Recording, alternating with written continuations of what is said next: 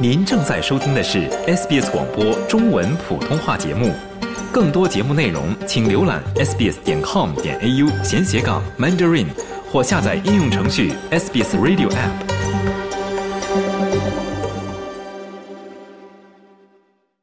从法律角度看待社会现象，以专家意见指点生活迷津。请听现场说法。现场说法，您了解法律、咨询问题的空间。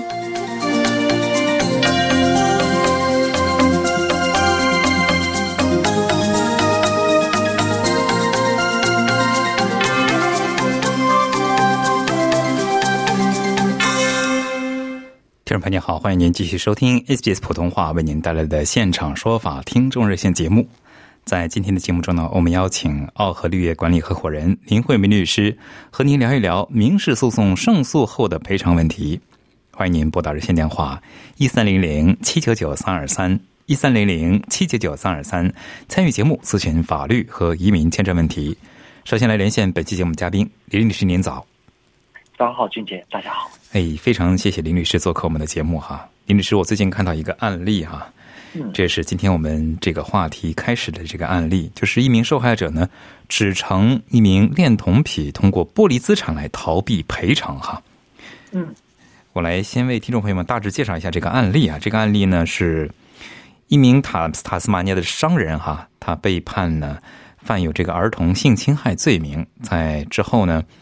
嗯，在期间，他把自己这个这个财产呢脱离并转移给了自己的亲属，然后在受害者呢随后在今年去年底的时候哈，在今年初的时候呢，就指控他呢在剥离资产来逃避赔偿哈。您能给我们大简单的介绍一下，就说嗯，这个施害者就是恋童癖者哈，他这个转移资产的方式有什么不一样吗？有什么哪些呢？有哪些方式？哎，好的，谢谢您。呃，这个案件呢，其实引起了蛮多的本地社区的人的关注。然后呢，其实大家也会联想到说，哦，那在其他的一些诉讼案件当中，是否这个施暴人啊，或者是被告方啊，也会有这些转移资产的这个行为，使得他去躲避判决的结果、躲避执行啊等等。那么，呃，我们常见的一些主要资产去转移的方式啊，比如说有股份呐。房产啊，还有生意啊，包括现在比较新型的这个虚拟货币啊，呃，转移给谁呢？一般呢，他们会转移给比如说自己的这个呃近亲属、子女啊，或者是配偶啊，或者是配偶的直系亲属等等。那通过相对信赖的人，将这部分的资产给转移出去。那么。他们在转移的时候呢，可能呢也会利用比如说出售的方式，或者赠与的方式，或者是偿还一个虚构的债务的方式。比如说，这个接收方可能根本没有那个借过给施暴方或者被告方一笔钱，但是被告方呢可能跟这个收呃收款的这一方啊虚构了一个债权债务，然后用这个虚构的债权债务呢将资产进行转移。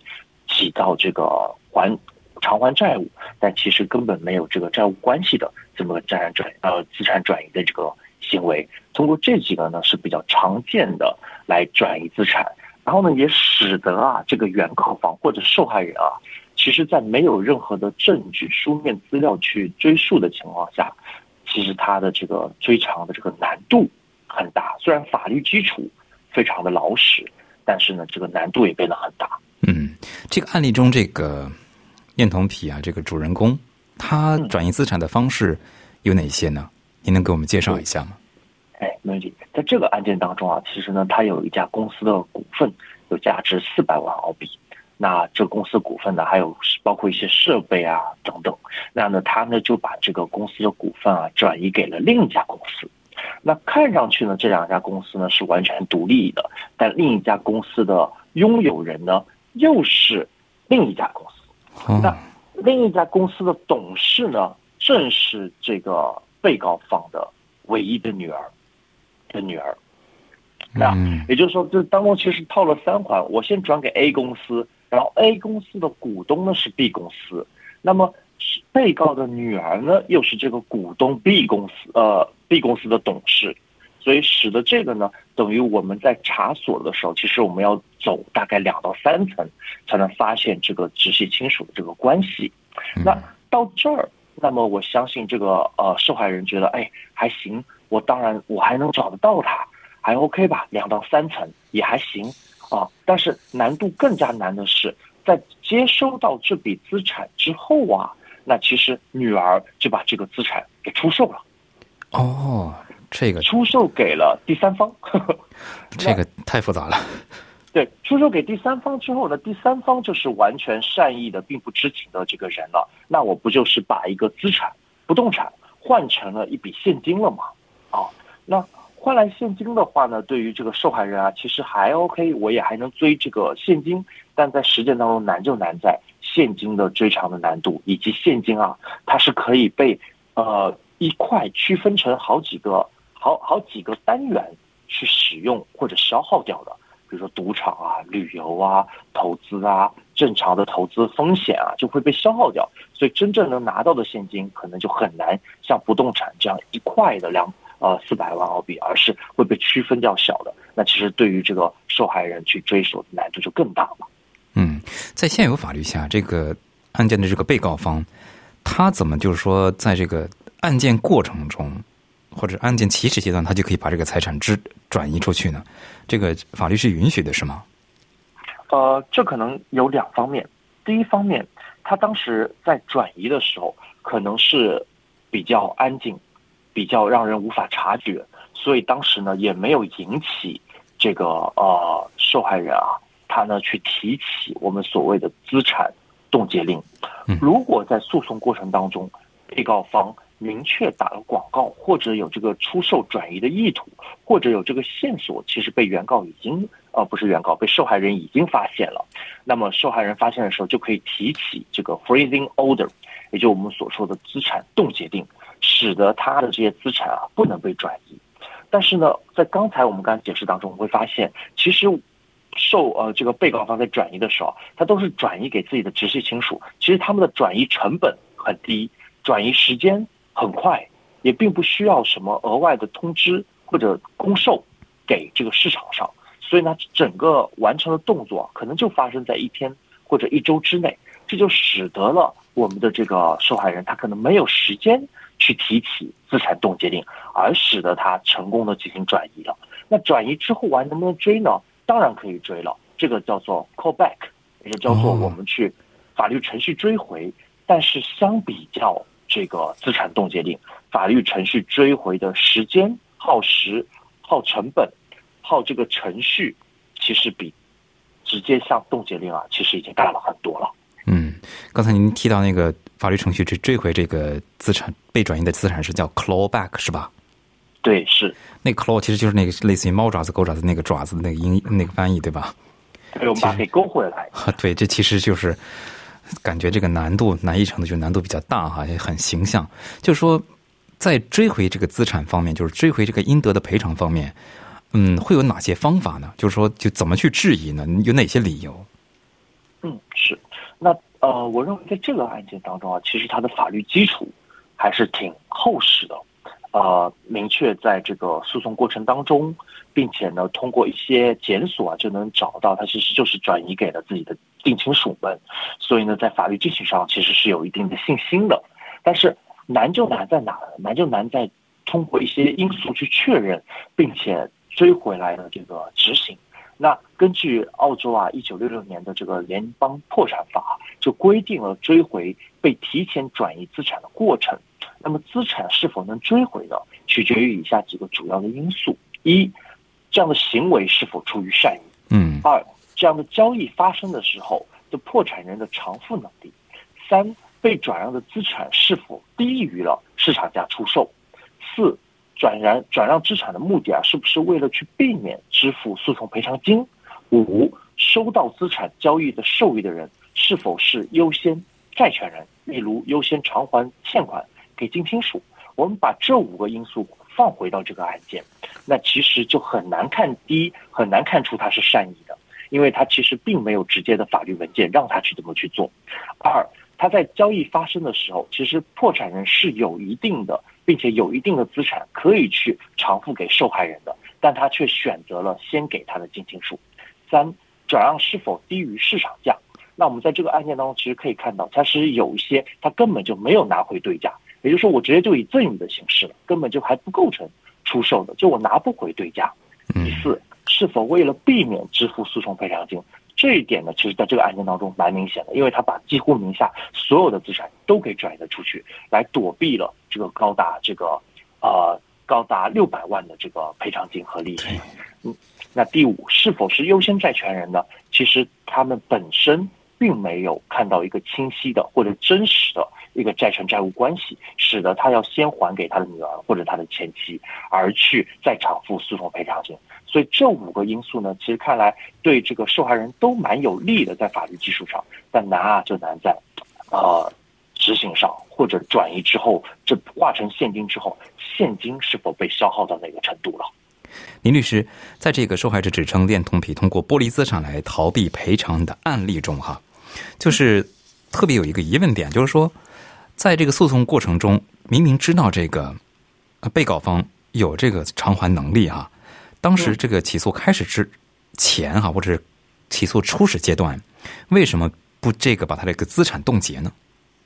嗯，就像资产冻结啊，其实需要一定的基础跟理由的。当中有一个理由就是转这个被告方要有转移的这个意图和一些行为的初步线索。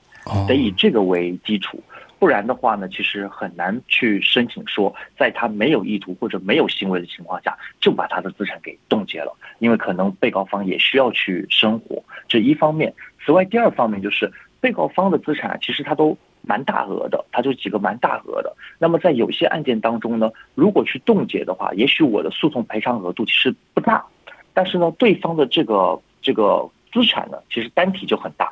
那这时候呢，就很难把这个单体给拆分开来，去 cover 住，呃，涵盖住它这个小额的赔偿金额。所以在一开始的时候，它可能赔偿金额也还没有这么的明朗，这就使得在申请这个保护冻结令的时候，也会多一份思考。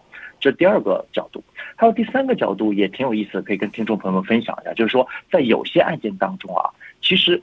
呃，除了被告方要提供资呃资产被冻结之外，被告方其实还可以要求原告方或者受害人在提起民事诉讼赔偿的时候，要求一个所谓的诉讼担保金。哦，为这为啥呢？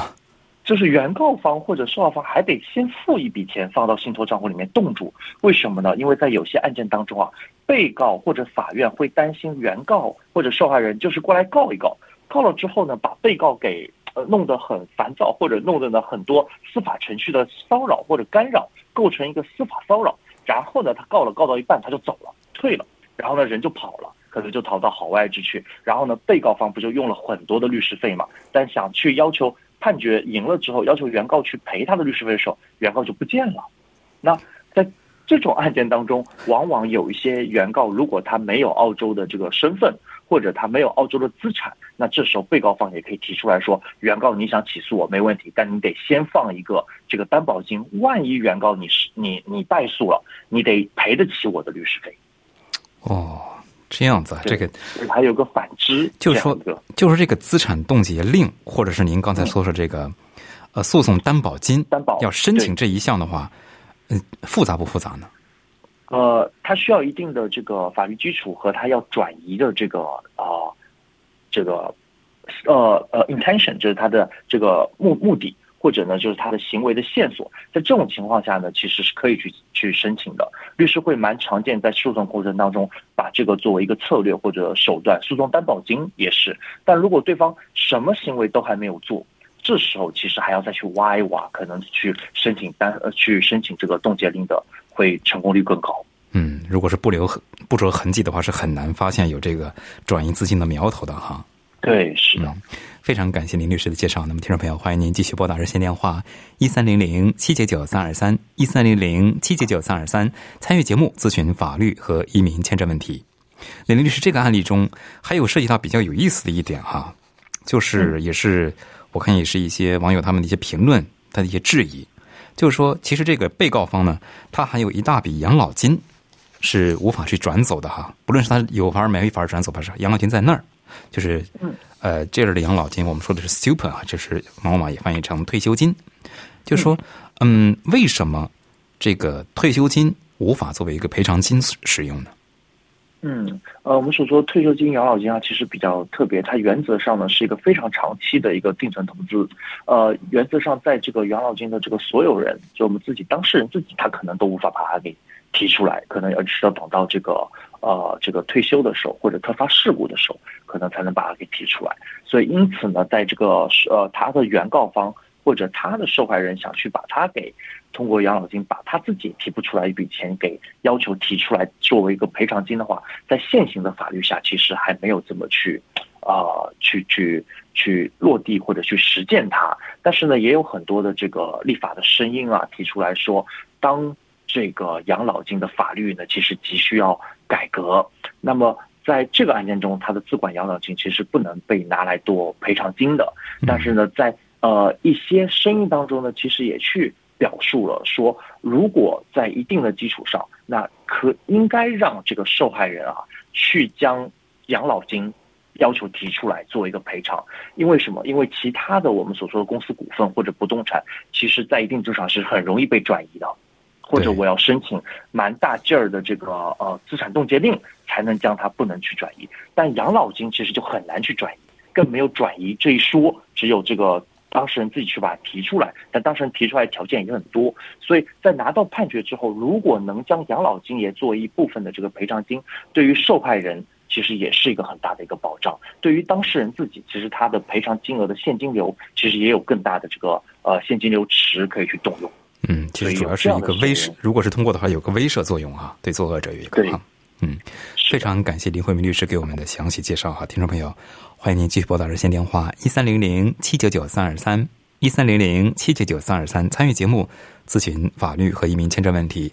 接下来我们来接听听众电话，这位是王女士，王女士您好。喂，哎，是您，您先讲。哎，你好，你好，早上好。早上好。呃，律师想问一下，就是我有一个那个投资房啊，我想那个就是呃转给我孩子，就是赠送给孩子。因为孩子买房现在都很很困难嘛，所以我想赠送给他。我我不知道这是可以赠送啊，还是说必须要是那种有偿的，呃，就是赠送啊？哎，没问题。我们谈三个问题哦。第一个方问题是转让方式的问题，第二个问题是税务的问题，第三个问题是孩子的资产保护、未来的这个家庭资产保护的问题哦。这三个问题我们来谈一下。第一个方式的问题。无论您是通过赠与还是通过……抱歉，打断一下哈，王女士，可以关一下您的收听设备吗？我关着呢，我没开。好嘞，谢谢。嗯，好的，啊，对，这样好些，谢谢您。对，一个呢是我们说转让方式啊，一个呢比较常见的是赠与，另一个比较常见的就是买卖。那赠与的话，也就是说，您把这个物业转让给他之后呢，您是不会得到任何的对价，您的对价是零，就无偿的赠与给他。那买卖的话，就是您给他之后，您可以选择一个相低于市场价，然后他还您的方式呢，也可以相对长期的来还，但是他得给您对价。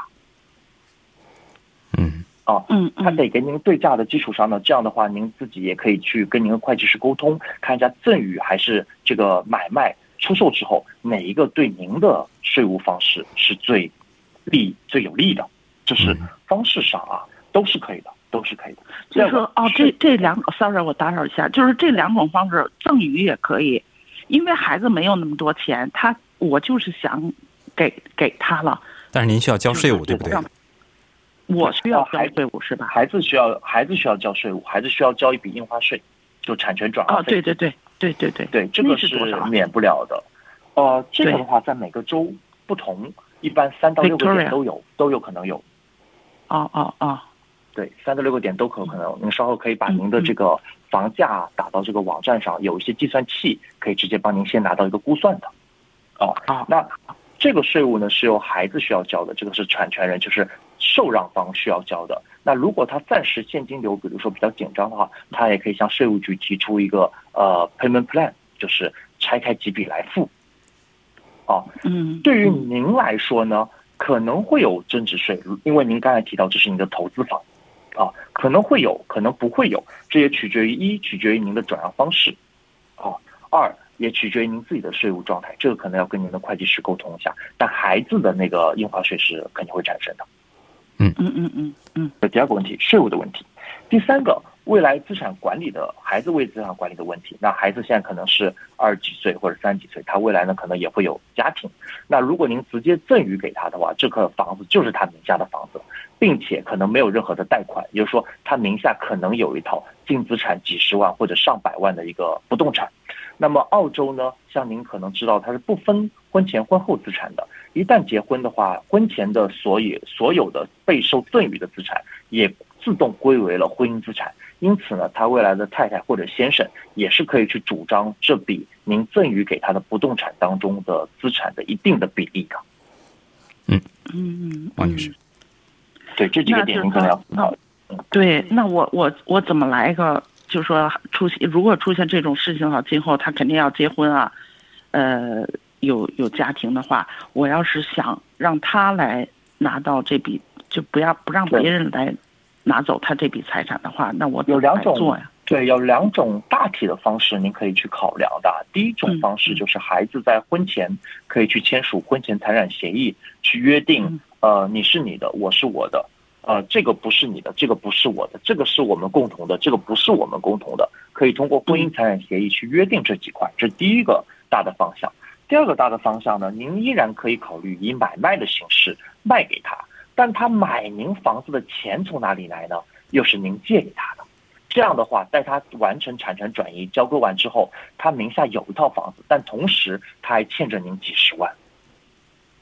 嗯啊。啊啊，那他那他未对，那他未来再去被分割资产的时候，他能分的是什么？能分的是净资产部分。他必须得把所有债权人的债权都给还掉，才分那个净资产嘛。假设您的物业是八十万，您借给他七十万去买，那他如果之后再去分，我们不考虑任何增值啊，再去分的话就只分十万了，因为七十万要先还给您，您是优先受偿人。嗯。那他现在没有工作，他没有贷款能力，他怎么来？啊，这可能就需要对一些其他的工作的借款能力的养成啊之类，就是这些方案可能都会有些细节方面去拓展的，但这是两个大体的，您可以考虑。嗯，好嘞，谢谢王女士，供您参考，谢谢您，祝您顺利。听众朋友您好，欢迎您继续收听 SBS 广播中文普通话为您带来的现场说法听众热线节目。拨打热线电话参与节目，咨询法律和移民签证问题。接下来继续接听听众电话，这位是彭先生，彭先生您好。喂，你好，你好。嘿，您请讲。好的，您带来的现场说法听众热线。您把收听设备关一下好吗？好好好。是是这样的，我们呢四个人呢有开一个公司，然后呃准备做一些生意呢。好，现在我就把那个钱呃交给我朋友啊，他姓陈的。呃，大概一万块澳币，好，现在一直到现在他也是没有还给我，那我要怎么样？哦，好的，了解您的问题了。您的问题，这个一万块钱的法律定性哦，可能很重要，它可能会被定性为是您给公司的借款，或者定性为您给陈的借款，也可能定性为您给公司的直接的入资款。如果是借款的话，在这个呃债务人有偿还能力的时候，他依然要偿还的。但如果您是入资款的话，去认购股份的话，如果公司的生意不好，公司如果要选择注销的话，那这笔钱就是可以被理解为投资有风险，可能它的股价就下滑了，就很难再拿回来了。所以它的法律定性很重要。那现在他有没有做，我们也不知道。我我想说，我估计想说，可能他把这个钱然后。他就不想赖债，不想还给我，这样就我想，我想告诉您是啊，您是股东之一吗，彭先生？我们四个人一起开公司，当当时我就是是信任他，呃，我就把这个一万块钱。您是股东吗？哦哦，是股东。OK，好的，那我认为您有几下以下几个步骤可以做：一。去做一下公司 ASIC 的检索，就是工商局的这个检索，去确认一下公司现在的结构是否依然是这四位股东，还是他其实已经在做了一些修改了，这个很重要，先做一下这个检索，会计师或者您的律师都可以做，这第一步。啊，第二步呢，给这个陈先生发去信，说您想看公司的账，您作为股东啊是有权利去看公司的账的，特别是现在是啊新财年的开始，是完全可以看这个账的。在这个账务当中啊，您其实是看到可以看到当时您入资或者借款的这一万块钱转转移的这一万块钱，它被定性了什么？在公司的账务里面会有个这个描述嘛，description 啊去描述这一万块钱的来源和它的目的是什么的。这第二个，我认为您可以去做的。第三个，如果您是在过去去转移的去呃投入这一万块钱的话，他应可能已经报过税了，你也可以联系一下公司的这个会计师去看一下这一万块钱被报过税了没，被报税的这个报税的目的跟描述是什么，这也很重要，跟公司我们刚才讲到第二个里面的描述是否是一致的，这第三步。啊第四步，在您一跟二跟三全部都确认完之后，其实您就大体可以知道这笔钱到底是他被他拿走了，还是公司的自然、自然生意遇到困难，比如说啊、这个生意做不好啊，这是钱就没了之类，投出去没有回报了，那啊这就就可以有个更加明朗的一个形势了。如果是啊属于借款给公司的，那你可以要求去在截止日要求偿还；如果是投资进去的，那可能投资有风险，可能就不会那么明朗。那这四步是我认为您接下来可以去参考的。哦，啊，最近我有联系他，然后我就跟他打电话去跟他讲，我要求把一万块还给我，我是要用，因为疫情之后我一块钱都没有了。啊，嗯他认为我说这个是打扰他，他去报警我，所以警察就反过来来警告我。哦，对，呃，无论您跟他怎么样的沟通，您肯定要注意这个方式哦，其实不要让哦他反而抓住您的一些小尾巴。然后，如果他万一让他再申请到保护令的话，你可能跟他沟通，到时候都得通过这个律师跟他沟通，那你的成本就非常很高了。就是一定要注意方式啊察叫我。哦哦，对，现在呃呃呃呃，警察就叫我联系那个律师，但是我的律师呃写信给他了，他也是联系不上，因为我的律师说我不跟你谈话，我不跟陈先生谈话，我要跟陈先生的律师，那万一他没有律师怎么办？呃，这个可能不合适，因为对方没有律师，依然可以直接联系对方的。但如果对方有了律师，就一定要联系对方律师，不能联系对方当事人了。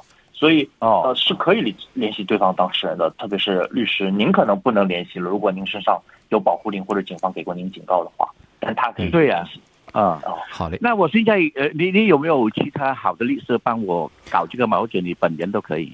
啊，彭先生，那么您可以在留下您的联系方式，我们不方便在节目中透露哈。好祝您顺利。我明白。接下来就听下面一位听众，这位是张先生，张先生您好。喂，张先生可以听到说话吗？暂时听不到张先生说话，我们接听下面一位听众，这位是庄女士，庄女士您好。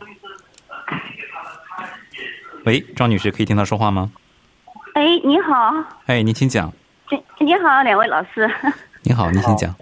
你好，嗯，我有有个事情想咨询一下律师哈，嗯，就是说我现在呢，嗯，有点部分的钱存钱在我儿子那边，我怕呢，万一有什么事情，他们夫妻两个我不放心，我想转到我我的账户上，嗯，我的账户上呢，我儿子说你要加税的。我说我不要利息可以吗？我存在银行里面，我想问一下这个事情哦，您存在银行里，想让银行别不给您利息是吗？啊。对，利息税其实不高的，而且利息其实也也不高，所以您这个我觉得主要矛盾可能是在这个本金本身，而大过于利息。可能我们去想办法怎么让这个本金免税，会比怎么想办法让这个利息免税可能会更加嗯重要。哦、嗯也就是说，他怎么给您这个事情很重要。如果他是送给您的，您可能会要去缴税之类的。那如果他是借给您的，那您可能不需要去缴税，但是您可能得还。嗯，这个钱是我的，是我的，因为放在我儿子那边，他我就叫他帮我保管的，是我的。那么因为我现在跟他分开来住的嘛，我就嗯不方便嘛，不方便嘛，我说我自己身边也要呃有也有有钱，对对不对呀理解？嗯那那我那您的本哎那么嗯。啊，你说是的，那您的本金可能已经完过税了，可能这方面也可以再咨询一下您的会计师，看有什么更好的税务建议给到您。嗯，那么由于时间关系呢，就不得不打断两位了。非常感谢林慧梅律师做客今天的现场说法听众热线节目，也非常感谢听众朋友们今天两个小时的陪伴。因个人情况因人而异，法律问题复杂，本节目仅供一般性参考，并无意提供任何个案法律建议。具体法律纠纷，请您咨询专业的律师。想听到更多这样的故事吗？您可以通过苹果播客、谷歌播客、Spotify 或者您喜爱的方式下载收听。